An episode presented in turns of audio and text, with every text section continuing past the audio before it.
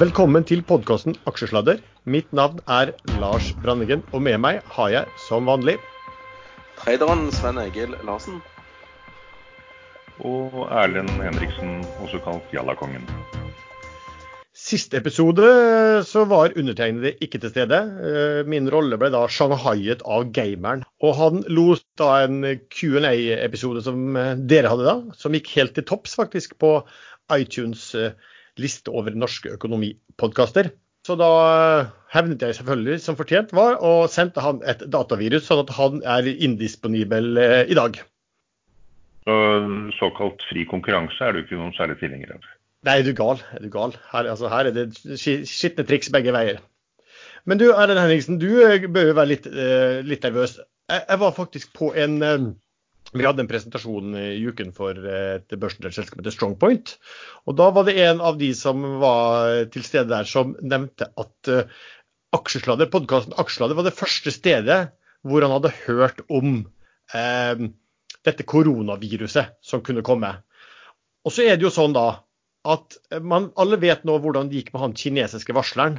Han ble vel både, både arrestert og, og fikk viruset og ja, forsvant. Til slutt ble han måtte greves ned under bakken. Så, så er ja, du litt nesten den eneste på den alder aldersgruppen som har eh, forsvunnet, dødd. Så Ja, men du er litt, du er ikke litt engstelig selv da, for å være den norske motsvarigheten, den norske varsleren? nei, egentlig ikke. Jeg regner med at hvis jeg dør, så gir vel dere meg et eh, pent minneord på aksjesladder. Så det- Du, du kan få et eget minneprogram, faktisk, syns jeg. Ja. Vi kan, vi kan, nei, ikke sant? Hvor, hvor- hvorfor skal jeg være bekymret da? nei, det er sant. Da, kan- og, da, og, og da kan vi jo legge inn alle de ganske lange historiene dine som vi har måttet klippe bort fra tidligere sendinger. Oh, eller hva? ja, jeg, jeg gleder meg allerede. Men jeg gleder meg ikke at, at du skulle stryke med, men eh, jeg gleder meg til den sendingen. Jo da, det gjør du, slemme Sven. Slem Egil heter det. Slem, slem, Slem Egil. Egil. ja. Ok. Ja, det det. Vi må ha en liten disclaimer. Eh, Vi gir ingen råd, og vi bruker hva vi sier som bakgrunn. For hva vi gjør i kapitalmarkedet og livet for øvrig, er ansvaret helt holdent ditt. Så er det da dagens eh, sending og dagens tema. Og det er jo litt slitsomt, for, for eh, ja, er det egentlig noe som skjer i markedet for tiden, gutter? Nei, jeg vet ikke. Jeg har, her, er- her på Vestlandet er det vinterferie, så jeg vet ikke om det Har, har det skjedd noe denne uken? Jeg har ikke fulgt med. Jeg aner ikke. Er det en Nei, jeg tror det er fredag. Det er. Jo da. Det er Eh, litt rød tall der, tror jeg? Vi får vel innrømme at har vært, denne uka har vært den mest dramatiske uken på veldig, veldig lenge, egentlig. Eh, Jeg så bare på noen små tall eh, når jeg kom eh, før vi gikk i sendingen nå. Altså på Oslo, eller SMP 500 da, i USA, det er altså de 500 største selskapene, eh, de har brukt seks dager på å falle inn i det som kalles en korreksjon, altså mer enn 10% nedgang kun på seks dager. Det er en ny rekord. Eh, Oslo Børs har hatt sin verste uke siden finanskrisen. Når jeg leste det, så var da eh, børsen ned 13 eh, bare denne uken. Nå har den vel steget en liten prosent kanskje siden da, men si at den er ned en 12 da for uken hvis, hvis det der skulle, skulle stemme. Hvordan det- kan den ha steget når den er minus 1,42% nå? Ja, den var, den var jo minus eh, tre på tidligere i dag, og jeg tror jeg skrev rundt, rundt den tiden der. Så da har den gått opp en liten prosent siden det. Regner jeg med i hvert fall. Jeg, jeg tipper at de Ja, kursen står, eller eh, kurven står midt, eh, rett opp her nå. Så eh, det er tydelig at det kjøpes. Eh, Europa er fortsatt ned 3 3,5 var ned 5 så det virker som ting henter seg litt inn her akkurat nå i hvert fall. Så eh, til vi får nye nyheter rundt eh, Lurer på om det er sånn virus eller noe som går for øyeblikket. Vi har fått inn masse spørsmål til eh, denne sendingen også, eh, så det kan vi jo snakke om. Men eh, Sven, fortell litt hva, hva, hva du tenker om hva som har skjedd i markedet da, den siste uken. Ja, for å være seriøs, da, så, så har det jo vært dette koronavirusutbruddet. Og som jeg prøvde å eh, si i Ekstrainvestor i forrige uke, det var at USA-børsene kommer ikke til å reagere før dette viruset begynner å nærme seg USA. Og det var tydeligvis det som skjedde da. Plutselig, eh, forrige helg, ble det rapportert veldig mye nye tilfeller i Europa, og spesielt i Italia. Etter det så eh, falt børsene på mandagen, og gjennom uken så har eh, viruset nærmet seg USA. og Jeg er ikke 100% oppdatert, men jeg, jeg, så at det var noen tusen mennesker i California som eh, var under oppsyn for å eventuelt ha fått dette. Så når det nærmer seg, og dette blir å se på TV-sendingene der borte i det store forkvaklede landet, så, så tar panikken eh, Gud og, og hvermann der borte. Sånn at eh, nå er det blitt veldig nært, og, og da eh, skjer det ting. Men eh, Det var 8500 i går som var under oppsyn i går. Riktig. Og, og, og altså, vi har til og med fått i Norge. Men, altså, det, det, er overalt. Og det ser ut som at Mest sannsynlig så må det bare gå sin gang, og så får vi se hva, som skjer. Jeg sjekket akkurat. Eh, det er 52 regioner utenfor Kina som nå har det. I går var det 42, og dagen før var det noen og 20. Så det sprer seg sinnssykt fort. Ja. Og så er spørsmålet er det farlig. Men det er jo frykten som er det største problemet her. da. Frykten for konsekvensen i økonomien og, og sånne ting. Eh, ting stopper opp, ting produseres ikke. Bruttonasjonalproduktene vil eh, falle. Jeg så at Goldman Sachs eh, mente at inntjeningsveksten på amerikanske SNP-selskap ville være ca. null i år pga. dette viruset. Så, så, det får jo fatale økonomiske konsekvenser. Kanskje ikke medisinske, men eh, økonomiske. Men eh, la oss si, hvis vi holder oss til de økonomiske konsekvensene. Norge er faktisk veldig utsatt i og med at vi har så store inntekter fra oljenæringen. Og mm, offshore skip og rigger. Eh, det skal ikke så veldig mange smittede til på de installasjonene og de båtene og subsea osv. før før båten må i land. Eh, maks 30 er det jeg har fått lese meg opp til nå. Ja, Problemet er at ting stopper opp. Bare se på, se på reiseliv òg, og spesielt Norwegian. Det var jo total panikk i Norwegian-aksjen de siste dagene.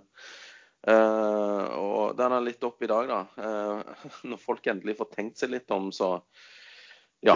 Vi vet ikke hvor dette ender, men uh, jeg tror ikke verden går under denne gangen heller. Norwegian er vel ned, ned 50% på, på kort tid? På en uke. Eh, eller på fem, fem, handelsdager. Ja.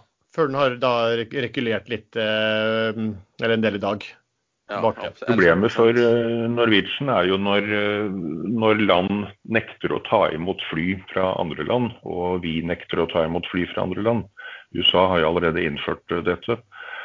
Eh, så lander det et fly på en flyplass, og de går om bord og tester, og én har feber og kommer fra et risikoområde, som nå begynner egentlig å bli uansett hvor man bor i verden. Eh, første tilfelle i dag i Nigeria. Der bor det vel 250 millioner, vel. En italiener som hadde vært på tur der nede. Eh, så hva skjer da, når, når Norwegian får nektes å slippe av passasjerene sine? Vil vil det bli nok karanteneplasser etter hvert. Så det, det, er ikke, det, er ikke, antall døde som er det store problemet her. Der eh, det ligger an, ser ut som nå at det er rundt 18% som blir alvorlig syke av de som blir smittet. Eh, hvor mange som blir smittet er det store mørketall om. Det, der får man nesten bare følge norske helseråd og se hva de sier. De, sier, de håper på under 25 det er det de sier, som blir smittet. Ja. Det, det, Men når... Eh, hvis eh, offshorenæringen stopper opp, og det skal ikke så veldig mye til, eh, da begynner det å bli store økonomiske ringvirkninger for Norge. Ja, olje, olje, oljen produseres vel uansett, men uh, blir ikke uh, Ja, jeg, jeg, tror ikke det får så veldig store konsekvenser, egentlig. Jeg er mer bekymra for reiselivsnæring og, og, og mobilitet blant mennesker. Og varehandel. Men jeg, jeg kjenner den som er i den bransjen. Hva hvis, uh, hvis supply-båtene ikke får seile lenger? Hvis det er nok antall syke smittede blant de? Husk på at det, det, det er opptil 15 nasjoner representert på én båt, og de byttes hver 14. dag. Ja, men vet, man da stoppe Ja. Um, nei, det er så jækla mye supply-båter. Dette er ikke et problem. Og det er græla mye filippinere så det, det, dette er ikke et problem. Det, det, det kommer til å bli manne opp eh, båter, og du trenger vel egentlig bare én en som kan styre båten, og så kan du ha resten mannskap eh, relativt ufaglært. Ja. Så, og det er nok båter. Ja, Samtidig må man si det, at akkurat i dag så er det tilbudsoverskudd på olje. Eh, ingen vil gråte hvis eh, Norge eller noen andre plutselig må begynne å produsere litt mer olje, for de produserer for mye olje i dag. Litt, litt mindre, mener du vel? Hva sa du? Hvis de produserer litt mindre, ikke sant? Ja. ja.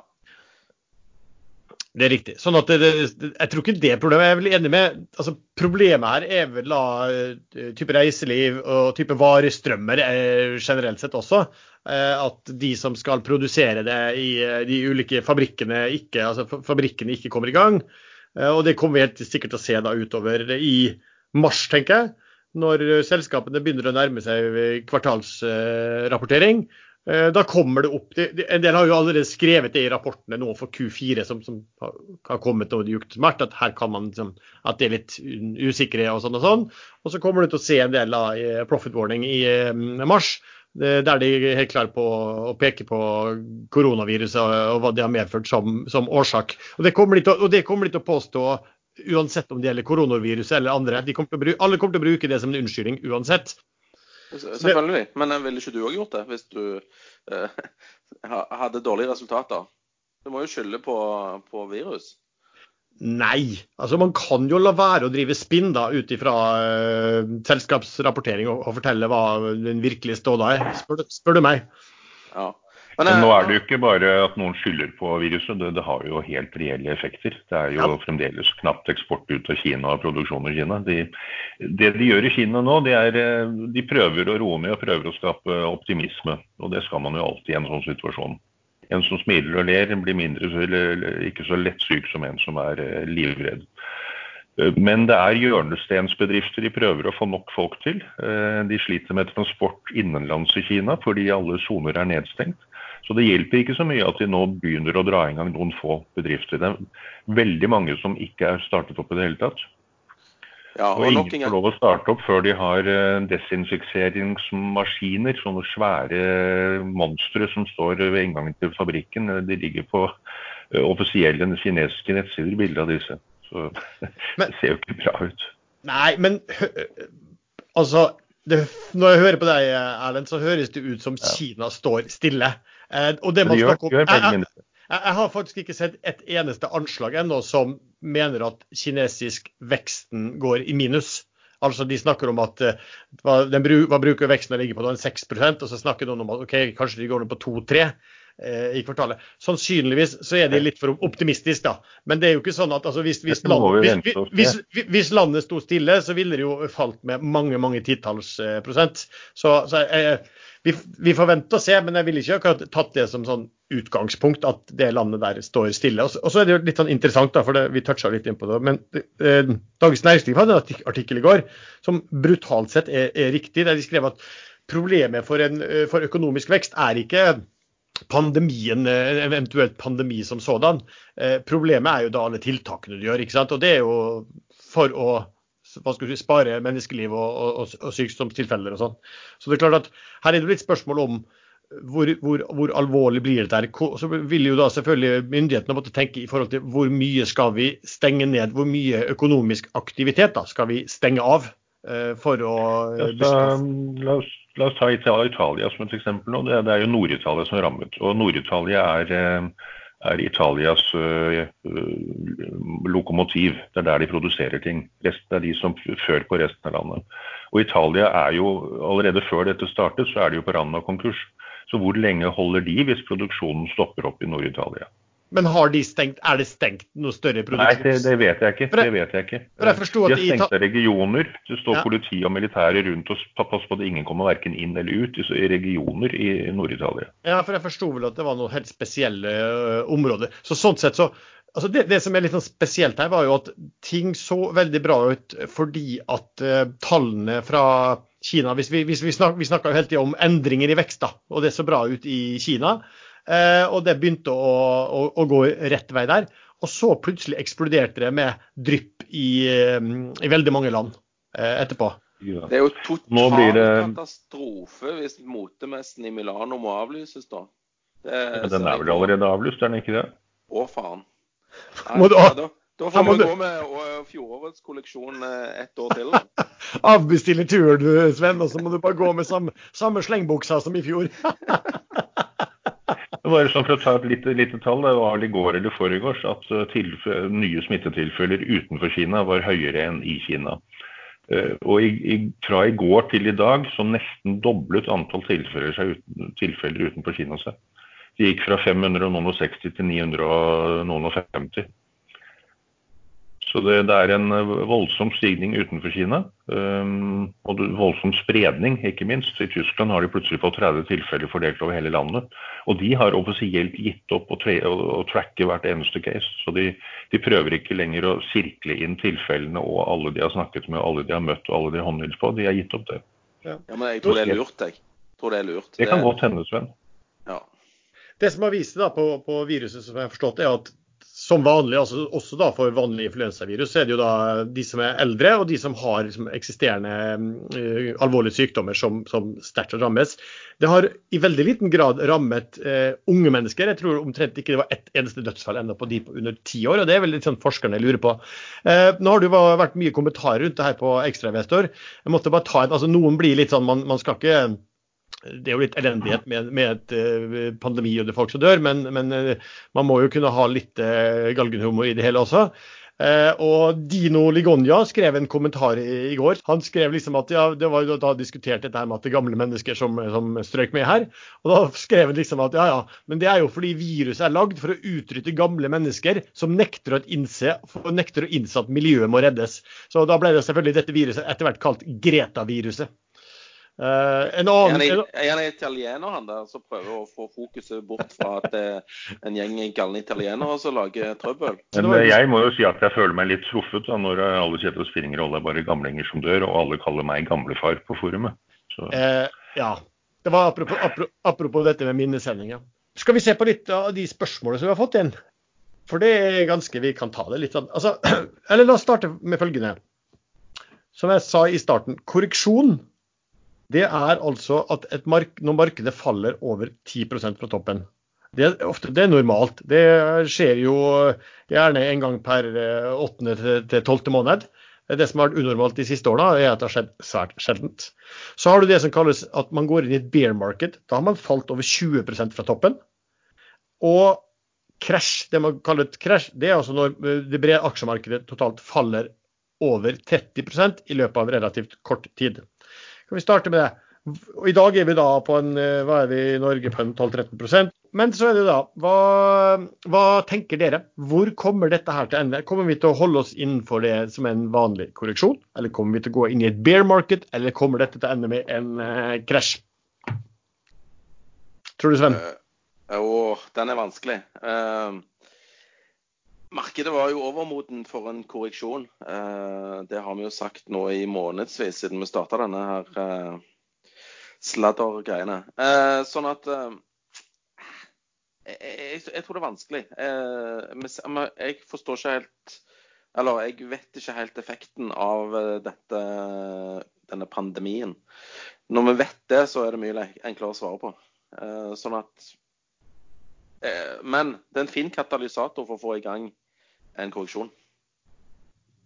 Nei, jeg, jeg tror egentlig ingenting. Uh, generelt sett så tar det over et år å utvikle en vaksine. Uh, nå er det noen israelere som påstår at, at de har klart å, om tre uker så er de vaksinen klar, og så må den testes.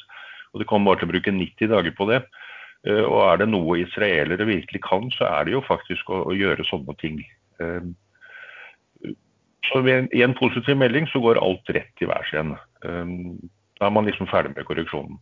Men sprer det seg mer, så vil jo dette fortsette. Hvis det går utover økonomien, hvis produksjonen stopper opp osv. Hvis alle reiser mellom land legges helt dødt. Dette er jo det WHO advarte mot i oktober 2019, altså under et halvt år siden. At man må ikke stoppe opp trafikken mellom landene. Varetransport, mennesketransport. Det, det vil ødelegge økonomien, og det vil gi mye verre resultat av en sånn pandemi enn, enn hvis man fortsetter. Så Jeg er litt enig med Søren at det er ikke sikkert man skal prøve å begrense dette. Kanskje man bare skal la det utspille seg, og så får man en god del som blir immune, og så dør det ut etter hvert. Hvis man blir immun, og det er ikke sikkert. Nei, men var, var, det ikke, var det noe med noen kinesere som var blitt smitta to ganger? Altså Først ble de smitta og ble friske? 14, 14 av alle kinesere som har blitt erklært friske, de har blitt testet positivt igjen. Er det fordi de begynner å spise de der eh, flaggermussuppa igjen når de blir friske? Nei, det... Visstnok så kan ikke mennesker smittes direkte fra flaggermus. Det må gå gjennom en vert.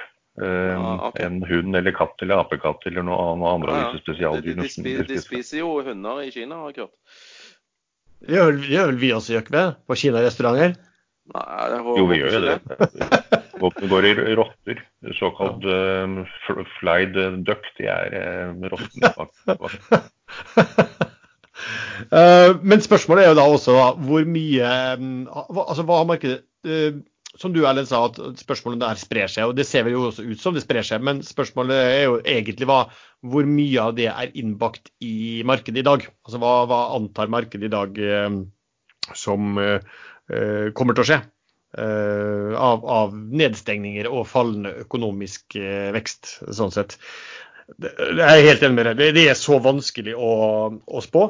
Altså det, det, men jeg har sett noen betraktninger på det. Det var vel at en sa at uh, Ok, Moody's eh, de anslo sjansen for at dette ble en pandemi til 40% og de trodde at hvis det blir en pandemi, så vil altså verdensøkonomien gå inn i en resesjon, tilbakegang, fallende BNP. Og da, og da, det, det, impliserer jo også at de da mener at det er 60 sjanse, sjanse til at det ikke skjer. Korrekt. Da, men da var, det, da var, jo da kommentaren at OK, hvis du regner med det, og så sier du at OK, hvis vedkommende trodde jo da at hvis, eh, hvis det ble global resesjon, så trodde han at børskursene ville falle en 40-50 eh, Og da kjørte han et sånn lite regnestykke da, at OK, 40% sannsynlighet for 40-50% fall. OK, da er det helt greit at vi faller en 15-20% altså bare på, på, den, på, den, sannsynligheten, da. Ikke sant? Så det, det, er jo alltid en måte å tenke på, men her blir det sånn sannsynlighetsbetraktninger. Og, og det er vel ingen som er mer egnet egentlig til å sitte og regne sannsynlighet på det her enn andre. Det blir ekstremt um, subjektivt. Skal vi se da om vi har, vi har masse andre spørsmål her. Uh, ja, når støvet har lagt seg, hvilke sektorer kan man forvente størst rekyl i? Reiseliv. Mm, flere? Jeg husker, fra, jeg husker fra finanskrisen. Eh, da var jeg relativt fersk i aksjemarkedet, og jeg satset alt på small cap. Tenkte at de kommer til å dra rett opp igjen når dette gir seg. De lå helt flate. De beveget seg ikke. Det kom ingen penger inn i small cap. Disse typiske som egentlig burde vært kongt, men som er på børs og henter penger innimellom.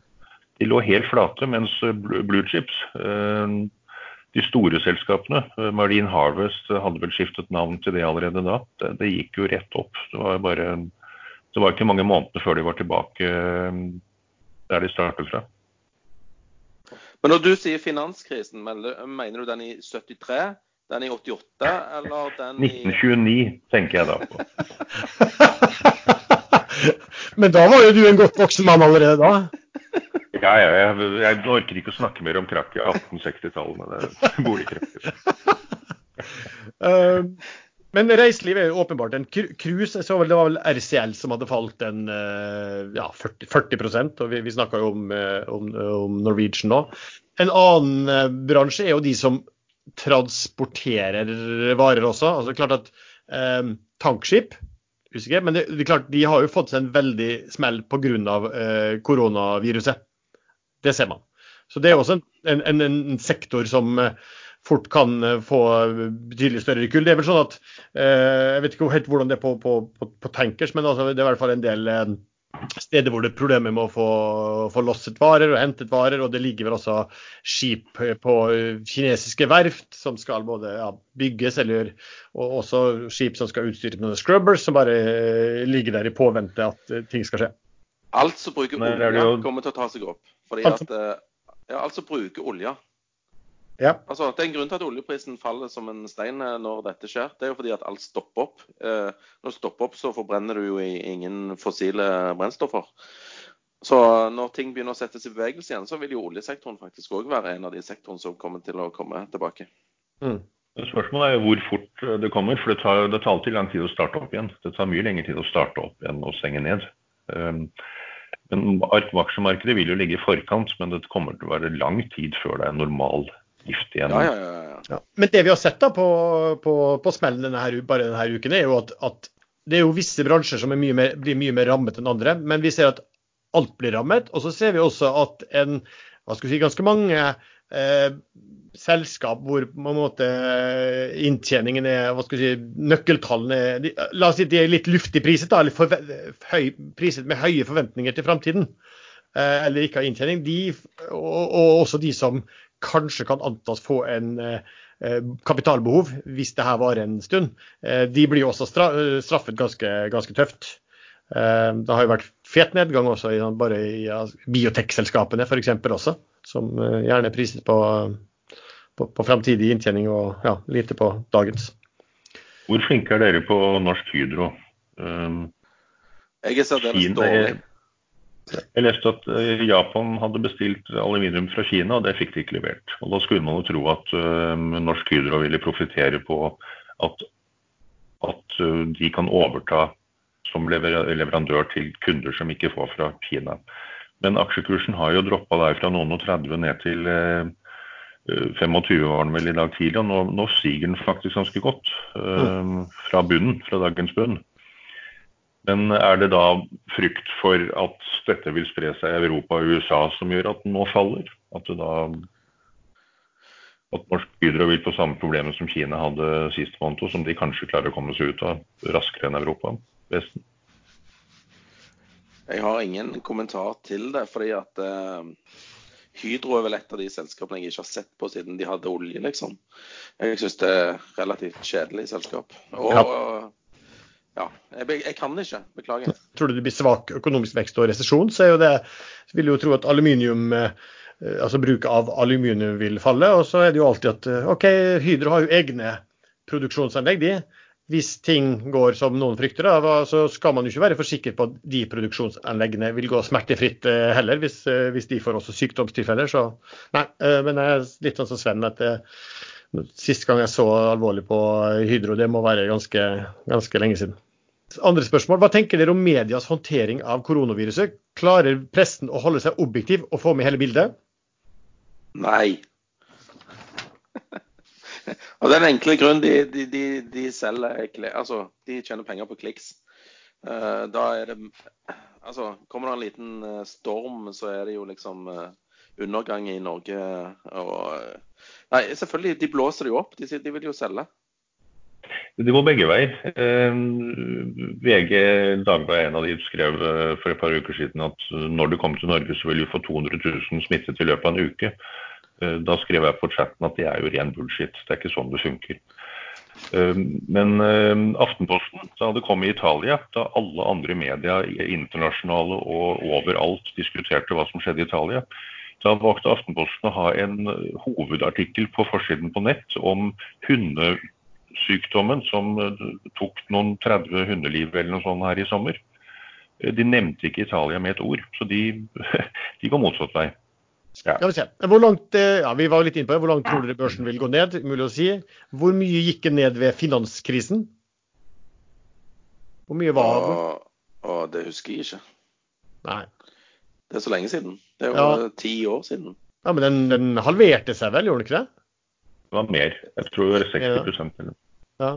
Det falt i hvert fall noe, noe helt, uh, helt, vanvittig. Og da, det, det, er en liten sånn, men det er en liten sånn lærdom for det er nok veldig mange i, som har kommet inn i markedet, som har vært med på gull og grønne skoger i, eh, i over ti år, eh, og som ikke har opplevd en skikkelig eh, tøff nedgang. Jeg tror vel at en del av de som ikke har vært med på det, har gjort det bedre sikkert enn de som har vært med på det. For at de, har, de er kanskje litt mer risikoperverse. Og kanskje det her er noen ting som kan altså På et eller annet tidspunkt så vil du få en skikkelig smell. Eh, og Da er det jo litt greit å ha vært gjennom en sånn eh, finanskrisesituasjon. Eh, og det som skjer, er jo, er jo, at du, i hvert fall hvis du sitter i liksom litt mindre selskap, så fra en dag til en annen så forsvinner omtrent kjøpersiden bort. Det, ikke, det, blir ikke så lett å komme seg ut av, av uh, selskapet i det hele tatt. Uh, men uh, det, det, her, ikke dette her ligner på det så, så, langt, på en måte. Men vi vet jo aldri hvordan ting vil utspille seg. Nei, under, under SARS så tok det vel fire måneder før uh, ting ble normalisert i oljemarkedet. Så hvis det, uh, og, og det, Men da, det var, det. Uh, da var markedet på bunnen allerede under SARS? Ja, riktig. Ikke sant. For det her, nå har vi jo vært på et eh, marked som er prisa jeg lurer på om i USA at eh, den sa at forward PE var på 25 eller noe sånt eh, på det. Og vi har jo snakket liksom om, om, om eh, ja, pengetrykking og hele den biten der. Og det er jo, Sven, din, Nå kan vi jo koble litt til, for at, fordi at uh, Erlends da ser ut som han treffer altså innertier av dimensjoner på, på, sin sorte svane, var jo da uh, var jo det, dette koronaviruset, når ingen hadde hørt om det. Men Sven, du snakket jo også om problemer i altså, rentemarkedet, gjelds, gjeldsmarkedet. Og det ene her kan jo faktisk føre til, føre, føre til det andre. Altså Hvis vi får, hvis koronaviruset fører til økonomisk nedgang, økonomiske problemer, så vil det gjøre at en del bedrifter får store problemer med å finansiere seg, eller hva? Riktig. Og, og, hvis du ser i Kina eh, Men det som skjer i eh, Kina, det er jo at myndighetene bidrar. Det er en stor redsel for at disse små og mellomstore bedriftene de har kontanter og penger til å drive i en måned med lav aktivitet. Eh, og der har jo myndighetene nå bedt bankene om å finansiere disse selskapene sånn at de ikke går over ende. Sånn at hvis de går over ende, de har masse lån samla eh, som skal betales tilbake. De klarer ikke nå eh, å, å, betale disse. Så, så det, det, hadde vært starten. Men jeg tror faktisk at myndighetene i Kina eh, ser dette her og eh, sørger for at bankvesenet da finansierer disse kortsiktig til de får, får opp dampen igjen. Men vil myndighetene i Europa og USA gjøre det samme? Ja, det har de i hvert fall signalisert eh, så sent som i går. At eh, skjer det noe, så kommer de til å adde eh, likviditet. Altså, De adder jo så mye likviditet som det bare går an allerede, og hva de har gjort de, de siste årene. ikke sant? Ved å, ved å, ved å, så De finansierer jo hva var det, Hellas som hadde 1, 1 rente på statsobligasjonene sine. Det er jo ene alene fordi at da europeiske sentralbanken eh, sitter og kjøper disse eh, obligasjonene i eh, markedet. Så, så her, klart, de kommer, gjøre, de kommer, til å gjøre, det mye, men hvor mye liksom eh, krutt sentralbankene har når de allerede har kjørt med full flis eh, i, i, mange år, det er jo mer usikkert. Ja. Jeg sitter akkurat og registrerer et firma som kaller det Kina Import øh, uh, et eller annet, og søker om 100 000 i støtte uh, med en gang tiltakene kommer. Chinasneeze.com. Ja. ja, det er bra. Ja. Man får en mill, gjør man ikke det? Hva sa du? Man får vel en mill, egentlig. Man kanskje 100 000 var litt lite. Ja, ta i. Ta i, Erlend.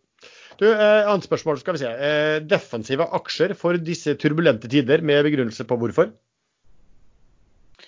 Du må finne noe som ikke blir påvirka av eh, markedsrisiko. Der du ja. kun har selskapsrisiko. Da, jeg har prøvd å lete hvilket selskap er det. Nei, jeg har jo, Min største posisjon er jo denne her Northern Ocean-greiene. De har to rigger som er på kontrakt i eh, nesten to år til.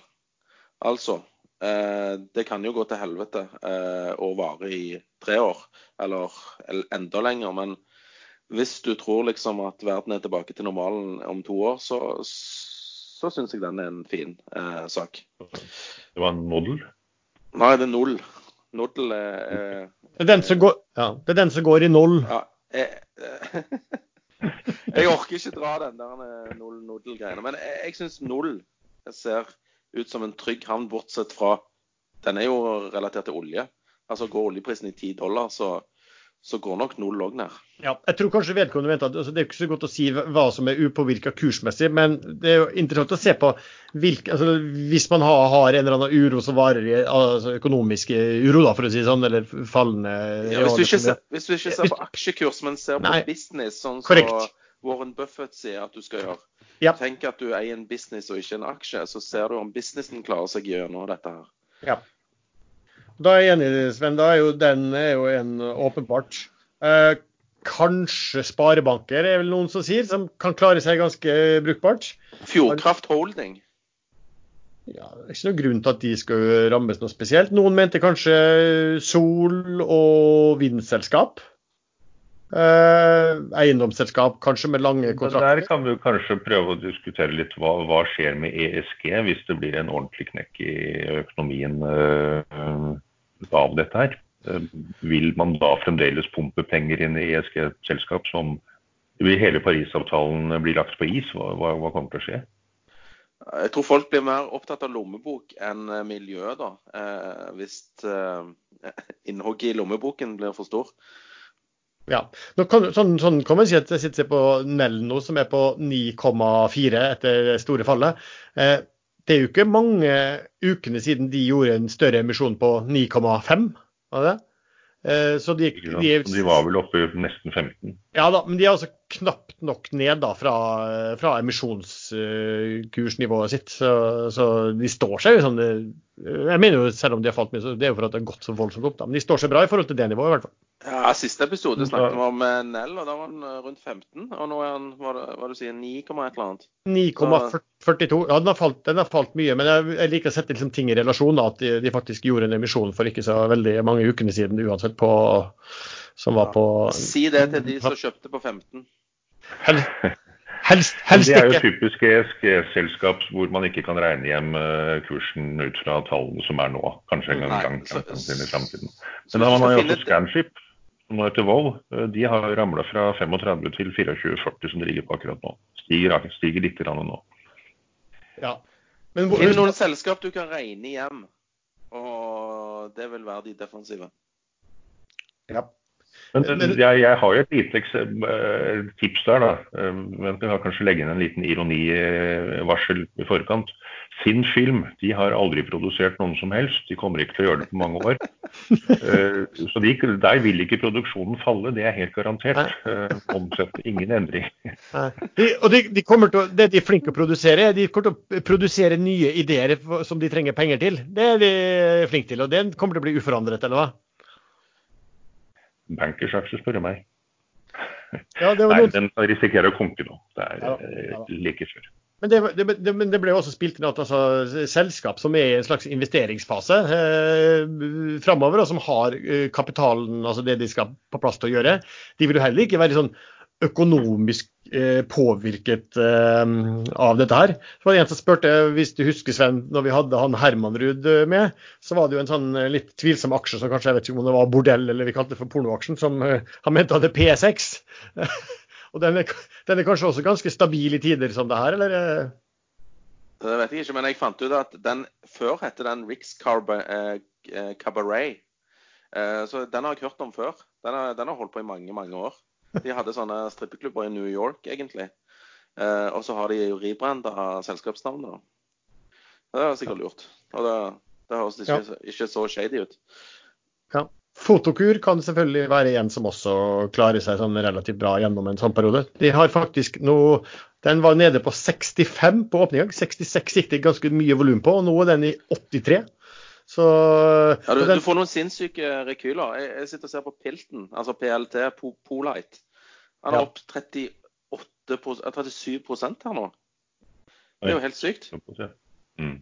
Men Polite er jo et typisk selskap som har uh, kunder i Kina. Eh, hvis ikke ja. de får i gang produksjonen i Kina, så vil jo Polite uh, slite. Men de har jo knapt marginer på det de selger, og de skulle bli store i Kina. Og det altså, kan jo bli utsatt lenge. Dagens laveste er 36, 36 kroner. Ja. Så akkurat på det. Den er over nesten 60% opp den fra uh, laveste i dag. Så uh, dette er jo et drømmemarked for oss tradere. Nå sitter jo jeg litt opptatt her av Hæ? Når vi først var inne på dette, sin, sin film er opp 21 i dag. En bitte liten omsetning. Det er 480 000 kroner. Ja, Polite er det jo en del volum i, da. Sånn at Det er 14 mill. Men, sånn, men sånn som eh, Fotokura har jo gått da omsatt for 85 millioner kroner i, i, dag, og den er altså da opp nesten 30% fra, fra bunnen. Så det er jo pent, eh, pent det. Så det er som akkurat det, man får noen vanvittige, vanvittige rekyler i, i enkeltselskap som, som liksom der ja, Det kan være tvangssalg, eller folk får litt panikk, og så kommer det tidligere aktører som, som eh, begynner å, begynner å, plukke, og så går det veldig fort opp igjen også hvis Ja, ja jeg treda litt Q-fuel. Quantafuel, tror jeg det heter. Eh, kjøpte på 112 114 i dag tidlig. Nå er bidet 145. Mm. Jeg, jeg, solgte på 130 ca., da, men uh, allikevel. Det er jo helt sykt. Ja. Da har du blitt flinkere, Sven. Nå holdt jo 10% oppgang. Ja. Mer. Det, det, er sant, det. Men uh, det, det, gikk jo relativt fort likevel, da. Det er snakk om en time eller to. Ja.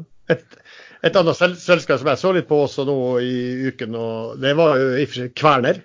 Som uh, Boring Kalle Løken. ja, Boring Kalle Løken. Det var faktisk Jeg var faktisk Uff. på en pres presentasjon med han. Men litt, litt, Så sovna du? uh, nei, når, han, når, jeg oppdaget at selskapet hadde uh, nett cash omtrent tilsvarende børsverdien, da våkna jeg litt. Da våkna du litt, ja. ja men ikke sånn, men, men ikke sånn ja, Har du kjøpt? Har du kjøpt? Ja, jeg har kjøpt litt. Grann. Kjøpt litt i går. Ja, der ser du. Ja. Men ikke, det, det, er litt sånn der, det, det, ikke, det, ikke, det, det, det blir jo liksom ikke de fotokuroppgangene, for å si det sånn, når, når ting snur, så Nå går kverna her. Fy søren, altså. Vi blir avlytta. Ja, igjen. Ja. Man ser litt for, Jeg prøvde å gå gjennom watchlisten her, hvilke selskap som er helt avhengig av Kina som kunde. Eh, og Der har du svenske Fingerprint. De er nå under 14 kroner. De, på, de kommer helt opp i 4,25 før dette koronaviruset begynte å sette sine spor. Så det er selskap som er helt avhengig av Kina, enten på eksport dit eller import, de, de sliter vel generelt akkurat nå. Ja. Flere spørsmål. Går NAS konkurs, eller er dette bare en billig inngang til en aksje som skal godt opp igjen? NAS har vi diskutert så mange ganger. Det er supply på vinger. Eh, eller supply med vinger. Eh, de har fortsatt altfor stor gjeld, eh, og det er veldig vanskelig å si. Ja. Man har jo denne Boeing-erstatningen som NAS har forhandlet om lenge og vel. Eh, Iceland Air de ble enige med Boeing allerede i oktober-november. Var vel en to runder, så har fått pengene utbetalt. NASA har nå strukket den strikken så langt at jeg vil tro at Boeing ikke er dummere enn at de tenker at hvis vi venter litt til, uh, inntjeningen uh, Hva var det en skrev her? Hvis, hvis etekapasiteten, ikke kapasiteten, men hva heter det for noe? utnyttelsesgraden på, SAS går ned med, på NAS går ned med 14% da kommer de brudd med lånebetingelsene sine. Så det, det, vil si at Hvis 14 av 100 passasjerer velger å ikke reise, da går det kort tid, og så er det altså brudd med lånebetingelsene. og da trenger nå, nå, vil vel en bobestyrer fortsatt kreve disse pengene av Boeing, men det blir jo gjerne et mye mindre krav enn uh, en et friskt oppegående NAS kan klare å få gjennom. Ja, de, de, er helt, de, er, de, er helt, avhengige av at dette her ikke drar ut, og at folk er livredde for å flytte på seg. Ehm, så, så det, blir et spill på det. Hvor lang tid tar det før ting er tilbake til normalen? Går det lang tid, så er de konk. Eh, går det kort tid, så klarer de seg. Mm. Og hvis de klarer seg, så vil jo kursen fort doble seg herifra igjen. Så. Ja, det er vel den type aksjer som altså Når de er såpass giret og eh, er såpass avhengig av, ja, av, av, av å ha god, god, inntjening, så er det jo mareritt å få det koronaviruset Eh, der akkurat i den perioden der. Og da begynner jo folk med en gang å spekulere i kapitalbehovet. Eh, og hvem har lyst til å gå og kjøpe en aksje hvor det kan komme emisjon i løpet av kort tid? Det samme lurer på om kanskje vi kan se altså, Litt usikker om det er bare markedet også, men vi har jo noen aksjer nå hvor, hvor han eh, Trøim er storaksjonær, og det begynner å skrives litt om hvor mye penger han kan sitte igjen på etter noen massive tap. Oh, han tror jeg sliter litt nå, altså. Uh, Bård Drilling kom jo med tall i dag. Det var jo helt krise. De er ned 13,5 eh, i dag, selv om altså markedet nå har gått eh, betydelig opp. Så, eh, eller fra, fra, fra bunnen i dag. Hvor mye var markedet ned i starten av dagen? 3, noen ting prosent? Ja. Og nå ned 0,8. Ja, Hvor mye er båret ned fra toppen allerede i forkant? Da må jeg slå den opp, skal vi se.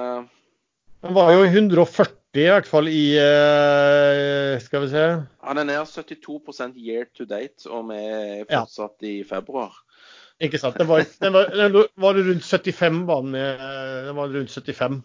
Uh, i, den var oppe i 140 var den oppe i, i starten på for et, for et, år siden var den vel i 140? Nei, ja, uh, year to date, altså rangen ja. er 80 til 19. Altså han starta året på 80. Ja. Og det, klart... sånn, det som svirrer av rykter i markedet, er jo um, om, om, personer. Det er jo at Strøm allerede er eh, konk. Eh, han er giret, var på vei ned og måtte selge unna masse. og Det, det er ikke nok verdier igjen i systemet. men, men, når du får de tingene der, da blir det sånn at da trekker altså aktørene seg tilbake. ikke sant? Det er, det er, omtrent som at du skal interessert i et hus, da, så hører du at han karen, har, øh, han karen som skal selge, har problemer. Da prøver du å gå litt ekstra langt ned i pris. ikke sant? Alle sitter og venter på at kanskje at han må selge, og at banken bare øh, selger det ut og prøver å gjøre placement på dette her. ikke sant? Og da og så det, sånn, så det er jo litt sånn fortvilt situasjon. Når, når, ryktene går eller du kommer i problemer, så, så får du jo Da blir det jo litt sånn ja, brannsalg av aksjer og eiendeler. Jeg tror Borr eh, kommer til å gå over ende. Eh, de sa i kvartalsrapporten, eller skrev i kvartalsrapporten at de er nødt til å begynne å selge litt premium assets for å bedre likviditeten. Og de som da skal kjøpe disse assetene, de Ja, sånn som Lars sier. Ja, og Når du skriver at du skal selge premium assets, så sier du innforstått at jeg må selge mine beste assets fordi at de dårligste er usalgbare, eller er det liksom Ja, og det er jo det Trøheim jeg driver drive på med. Han selger jo de gode aksjene sine for å finansiere eller funde opp de dårlige investeringene. Og det er jo en bra formel for suksess. Så trekke den litt til, eh, til en overgang til eh, Nå glemte jeg hva jeg skulle si. Ja. Fortsett du, Lars. Det var sikkert krak krakket i 19... Nei, ja, det var det at så mange selskap har blitt holdt livet siden finanskrisen. Eh, selskap gikk ikke konk. De ble reddet. Redningsfakker, eh, emisjoner osv. Vi har jo Nordsjøen full av, av supply-selskap og, og annet offshore og riggselskap som ingen klarer seg. Alle slåss mot hverandre, presser priser. Eh, her må folk konke. Selskap må dø før dette kan bli sunt og frisk oppgang igjen. Men hør Kapitalismen har ikke fått lov å gjøre som den skal.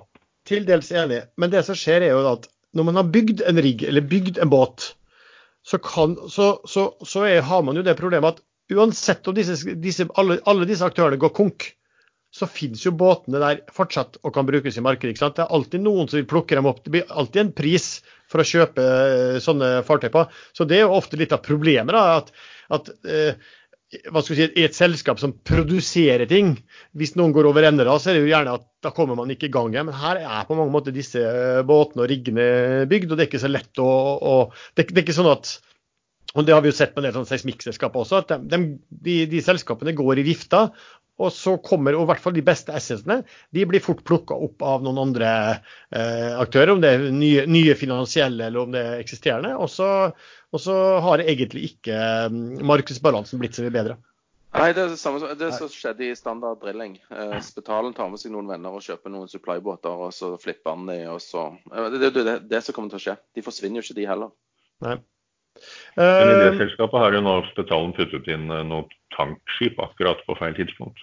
Oh, Kursen der er jo nede i 0,90, det er det vel? STST. Ja, det, ikke sant? At Det er vel både, både pga. tank og pga. at de sitter i, der, i supply, så de rammes bredt. Men det er klart at de, den, han la vel inn eh, en andel av et tankskip, eller det i hvert fall ett, eh, og de, den tankeren ble kjøpt på 106, eller var det noe sånt? Det var liksom, ja, sånn, da var kursen over 1,30, nå er den på 0,92 akkurat nå. Ja. Du, Et spørsmål um, om nedgangen. Er det egentlig kun virushysteriet som utløser det, eller er det bare en slags gyllen anledning, en påskudd for å skape en større korreksjon? Jeg tror det. Jeg tror det at det er en veldig fin unnskyldning for å ta gevinst. Men også er det usikkert. Altså, du, du, du klarer ikke tallfeste konsekvenser. Så hadde du visst konsekvensene, så hadde det jo sikkert bare vært et gjesp. Men uh, når det er såpass usikkert, du, og du ikke klarer å regne deg fram til hva som kommer til å skje, mm. så, så, er det mye vanskeligere. Mm. Jeg, jeg så... Det er jo fort et perfect storm-scenario, hvor, eh, hvor, bøkene både burde og, bli nå korrigert, kombinert med at det faktisk kan være helt reell nedgang i etterspørsel og omsetning Ja. Inn i helsike, og der ramla ASA mi, Atlantic Sapphire, rett ned til 100. Jeg var jo selvfølgelig to millisekunder for sen her. Åh, oh, hekkan. Ned fra hvor? Hva fra, det, fra 110 og rett ned i 100. Ah, fy faen. Uh, nå gikk blodtrykket litt opp her. Sånn er det. det koronafengsel. Tre måneder. I, i Opptil tre måneder i Italia hvis man bryter eh, karantenebestemmelsen. Jeg må bare sjekke at jeg ikke fikk de. Nei, det gjorde jeg ikke. Nei. Ja, ja. Nei, greit. Uh, ja, men, uh, men det, vi kan vel si det sånn at, at uh, viruset utløser det, men det har nok fantes en del momenter som lå til rette for å skape en korreksjon, og det er den voldsomme oppgangen og euforioppgangen, hvor folk egentlig ikke har sett noen farer før faren har ja, truffet dem. Er det sånn? Men når skal folk lære at euforioppgangen er faresignalet? Altså, det, det jo, men det er jo tøft da, å sitte på sidelinjen og se på at markedet går og går. For euforien kan faktisk dra det ganske høyt, og så sitter du uh, utenfor. Altså, Tenk på forvalterne som skal sitte dette her, og så skal de si at nei, nå tror ikke vi dette her går lenger. Og, og etter det så kan jo godt markedet gå 20-30% til. ikke sant? De, mm. de, de, mister jo jobben sin. En annen ting som, som, vi kanskje kan være Kanskje vi skal snakke som, som, vi har tatt før også, det er jo at markedet, altså hvor, hvor enorme andeler nå det finnes av disse mm, indeksfondene som bare kjøper etter indeks. Eh, og det har jo vært veldig bra når, eh, for aksjer, aksjer som har steget. Eh, men når aksjer faller, så kan du få det liksom litt sånn motsatt. Store aksjer faller, så kan du få litt motsatt. For da begynner de å vekte mindre enn andre, og så ender de å bli solgt på det også. Så du har jo liksom en, en, I forhold til tidligere så har du en veldig stor andel av markedet som er ikke tenkende og ikke vurderende penger, skal vi si sånn. Det fine er jo at de selger jo òg passivt når, de, når, ja, ja. De, når, det går andre veien. Du får Absolutt. jo en sterkere effekt andre veien òg, plutselig. Ja, ikke sant. Så, så en gyllen anledning på en del ting her er jo å se på selskap som eh, blir bare solgt ned litt urettferdig eh, ja. i dette markedet. Eh, litt sånn, jeg, jeg gjorde sånn, litt sånn Svenske Context Vision tror jeg er et sånt selskap. Eh, de burde ikke egentlig berøres av dette i det hele tatt. De bruker AI til å lese bilder eh, i medisinsk eh, behandling. Oppdage kreftceller. Mye større sannsynlighet for at det, det programmet oppdager kreftceller enn en lege som sitter og ser på det. Vi ser på ytterst på endringer i, i billedpunktene. Problemet til Context Vision det er jo tikkeren. Det er jo COV, altså COV. Og det er jo covid-19, liksom. Jo, men man, de, man, kunne jo tro at det var at de holdt på med vaksine på det, vet du. Så plutselig, plutselig Den var i dag blir nede på 78, nå er den på 84-50. Jeg ja, tror ja, ja. et kull rekull. Eh, små positive signaler. Ja. Apropos, apropos, sånne aksjer som, som, som, gjør det bra eh, når det er sånne virusutbrudd, så er jo sånn eh, videokonferanse det er jo eh, inn, da. fordi når folk ikke får lov å reise, og ansatte ikke får lov å reise, så må de jo fortsatt snakke sammen. Så det markedet der har jo, har jo tatt seg kraftig opp. Og, og, litt av det kule som skjer da, det er at uh, i, i, USA så er det et sånn et selskap som heter Zoom. Uh, hva, hva mer det heter? Zoom Technologies er det altså ikke. Zoom Video Communications det har ikke ticker Zoom, det har ticker CM, eller ZM. Men det som har skjedd, er jo at ticker Zoom har jo gått bananas. Fordi at de har trodd at det er det telekonferanseselskapet. Eh, Men det er faktisk et lite kinesisk selskap som driver og lager deler til mobiltelefoner. Så du får sånn artige, artige utslag, da. Men nå har jo Zoom, Zoom eh, video, det har jo òg gått rett i taket. da. Jeg lurer på om det går litt sånn, det er tvangssalg her nå. fordi at nå ble det lempa en jæklig post i Kahoot òg. Eh, mange kroner ned fra det var sist omsatt. Så dette, det er dyrt for meg å sitte og, og prate her nå. Topp fem taperlisten er fire, eh, fire offshoreselskap. Solstad Offshore på topp, Bor Drilling, Seabird og Siem Offshore ligger alle på over, over 10 ned. Mellom 10 og 17 de som hører på nå, de kan få gjøre en liten ting eh, på mandag hvis de har lyst. Eh, vi hadde en eh, episode hvor jeg snakket en del om Philly Shipyard, som kanskje kunne få en kontrakt. Nå har Philly sagt at den skal komme hvis de får den, så sannsynligvis det er trukket ut, så kommer den i løpet av neste måned. Men det var ikke case her. I går så dukket det plutselig opp en kjøper som la seg opp på, med over 50 000 aksjer på 3, 43 den har ligget der, lå der i dag tidlig også. Det var jo litt sånn eh, litt merkelig. Det har vært litt spekulasjoner eh, hvorfor man gjør det. Eh, det drar jo selvfølgelig kursen opp med en gang eh, på en så dårlig dag som det var i går. Eh, og så var det spørsmål om det kanskje kunne være noe type window, window dressing, men det var, det var, jo ikke siste dagen på, et, på, en måned i går, det var det i dag. Men hvis de får den posten, så, så drar man jo rett inn på topp ti på, på, listen her. Så det kan være litt å, å, følge med på. Det har vært spekulasjoner. Kan det være noen som vet noe? Kan det være noen som noen som bare vil ha en window dressing og prøve å dra opp kursen uten å få så mange aksjer? Det vil jo vise seg i så fall på mandag, det da, om den posten ligger der fortsatt. Ok, lite tanking. 7500 ligger den der nå. Like, hæ? Du, åpent ligger det der, men eh, det ligger åpent 7500. Det lå 54 000 på starten av eh, dagen på 43. Hvis jeg kan få komme til orde, så et lite tankeeksperiment. da. Si du har lyst til å kjøpe 54 000 eh, aksjer i et illikvid selskap. Tar du da og flasher hele posten? Nei. Det, er, Normalt sett så gjør du ikke det. Nei. Men det kan jo eh, faktisk være en grei eh, strategi òg, hvis du har et dårlig aksjemarked og folk har lyst til å kvitte seg med volum. Ja. Da er det faktisk en bra strategi. Men ja. i et normalmarked så ville du prøvd deg på en litt annen måte. Korrekt. Helt, helt enig. Altså Det som skjedde i går, var at eh, plutselig så gikk det altså Det var noen som begynte å selge 100 aksjer, og som eh, da satte den kursen såpass lavt at den ble vel eh, vet ikke om jeg ble, ble holdt av litt, og den gikk, da på, gikk vel noen, noen aksjer på 37-38. Og det var noen, noen 500 aksjer eller et eller annet sånt. Eh, og så går det litt utover dagen, og så blir det kjøpt opp igjen da, og så, dukker, så smekker den posten plutselig opp på på noen og 40. Så spør, spørsmålet var noe at er det samme aktør som kanskje starter dagen med å selge litt aksjer for å få denne her ned på undersiden av 40-tallet, så folk skal bli litt svett, og så dukker det opp en, eh, en, liksom, en, den gylne ridderen som viser en post. Her kan du få lov til å komme deg ut uh, uten, ut, uten, tap mens hele aksjemarkedet krakker. Uh, jeg vet ikke. Men har du hørt Sven, at, at, det, det, at, det, bruker å være noe window dressing til siste dag i februar? Nei. Men uh, vet du hva? Vedkommende ja. bomma, tror jeg. Nei, det gjorde han jo ikke. Søren. Det er 28. i dag, men det er jo ikke siste dagen i februar. Den er jo i morgen. Det er det lørdag. Det er jo... det, ja, men, da, men da er det lørdag. Da er det lørdag. Ja, da er det lørdag. Ja. Jeg, jeg bare tenkte på hvis det var 28. i går, så kunne jo han tro at det var siste dagen. Men, ja, ja, sånn, ja. Det, men eh, det er jo 28. i dag. Så ja. nei, vet du hva. Eh, det er en luring. Det er en luring. Så prøvde å lure, lure deg ut. Ja, men da er det jo litt interessant hvis noen vil ha såpass mye aksjer, kanskje? Ja. Det... Siden, siden, siden, det er i hvert fall mye rykter om, om, en kontrakt. Vi får se. Eh, det kan i hvert fall være interessant å se om den ligger der fortsatt når vi har gått over i en ny måned. Om vi har noen forslag til noen gode utbytteaksje. Um, som kan være en sånn sov godt om natta.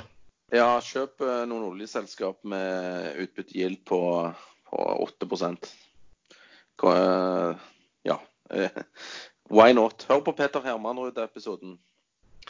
Uh, mitt, jeg ville sagt kanskje kjøpe noen sparebanker med gild der oppe. Uh, et annet selskap også som faktisk leverte strålende Q4-tall det er ABG Sundal Collier. Som eh, prises vel nå på PE på åttetallet hvis du regner eh, hvis du regnet altså Q4 om på et år, så er PE på femtallet. Og de betaler altså eh, veldig solid utbytte også, som kommer om ja, nå på tidlig på våren. Her har jeg ikke noe å bidra med. Det er veldig dårlig med utbytte i Jalla-selskap. Det må i så fall være Jalla-utbytte.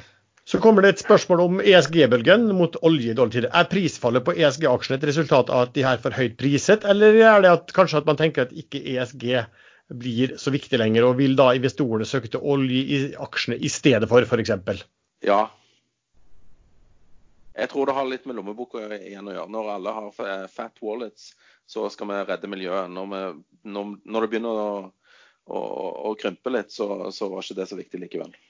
Du, Apropos uh, Trump, så er det, jo, det er jo de aktørene som har ment at kursfallet ikke bare skyldes korona, men det har også skyldes at uh, Bernie Sanders har gjort det så uh, vanvittig bra på meningsmålingene. Og, med, og, at, hans, at han da, da, kan bli demokratisk presidentkandidat. Og hvis man ser på hans program, så er det svært dårlige nyheter for børsen. Noen tanker om det? Han skal jo innføre, truer i hvert fall med å innføre skatt på trading høyere skatter på, på bedrifter. Og, og, og, han skal vel også innføre et forbud mot eh, fracking. og han, jeg lurer på om han skal innføre et eller annet Nesten sånn at de skal bryte patenter på, på, på legemidler og gå for generika. og at altså, Prisene på legemidler skal kraftig ned. Jeg tror Bernie er bad for business. Men i de aller fleste tilfellene så, så blir jo de som får makt, ganske moderate. Eh, ja, Man så jo på Fremskrittspartiet hva de sa før de kom i regjering, før de kom i posisjon, og etter at de var i posisjon. Og hva de sier nå etter at de ikke er i posisjon lenger. Det er vel litt sånn som republikanerne i USA, det som liksom var helt i opprør over de underskuddene Obama hadde på statsbudsjettet i dårlige tider, og som nå syns det er helt greit, når de sjøl er i posisjon, hvilket underskudd man har i gode tider. Så, så, det vet man ikke. Men uh, han godeste Sanders han ligger jo godt an i presidentvalget. Jeg tror avgjørelsen der kom, faktisk kommer til å falle nå til helgen. For da er det, super, er det, er det Super Tuesday? Uh, valg. Nei, på helgen så kommer det South Carolina. Hæ? Ja, det var ikke over helgen nå. Det er South Super Tuesday neste uke. Super, super Tuesday kommer neste uke. Men først kommer South Carolina. Og det er liksom Bidens stat. Og han har faktisk hatt, virker som han har faktisk fått en del sånn oppsving eh, på meningsmålingene der. De meningsmålingene tyder på at han leder ganske klart. Og det virker vel som han faktisk er den som Altså hvis, hvis Biden skal slås, så må noen konsolidere hva skal vi si, de, de litt mer moderate. Eh, og hvis han vinner den, så tror jeg han er den eneste som kan eh, konsolidere det. Og jeg så litt sånne utregninger på hvordan det ville se ut på Super Tuesday hvis Biden kunne klare å ta South Carolina. Da blir, det en, da blir dette her et race mellom, eh, mellom, eh, Saunders og Biden. Og hvis, Biden. og hvis Saunders vinner i South Carolina, da er det nesten game over. OK, så da betyr ikke Super Tuesday noe særlig, da? Nei, altså det, det, da kommer det, det, indikasjon på at han såpass, har såpass oppslutning i South Carolina. Kommer til, kommer til å på en måte tilsvare hvordan vel, velgerne tenker i så mange av de andre type statene også. Så det er så viktig. Altså, de statene som har vært nå, eh, foruten Nevada, men de to første var vel veldig preget, altså veldig hvite, da, for å si det sånn. Mens South Carolina er jo da Eh, mye mer fargede, ikke sant? Eh, og der, eh, som var store Obama-tilhengere, og som da støtter altså Biden i stor grad for at han var visepresident under Obama. Og den, så, den må han, så den må han vinne.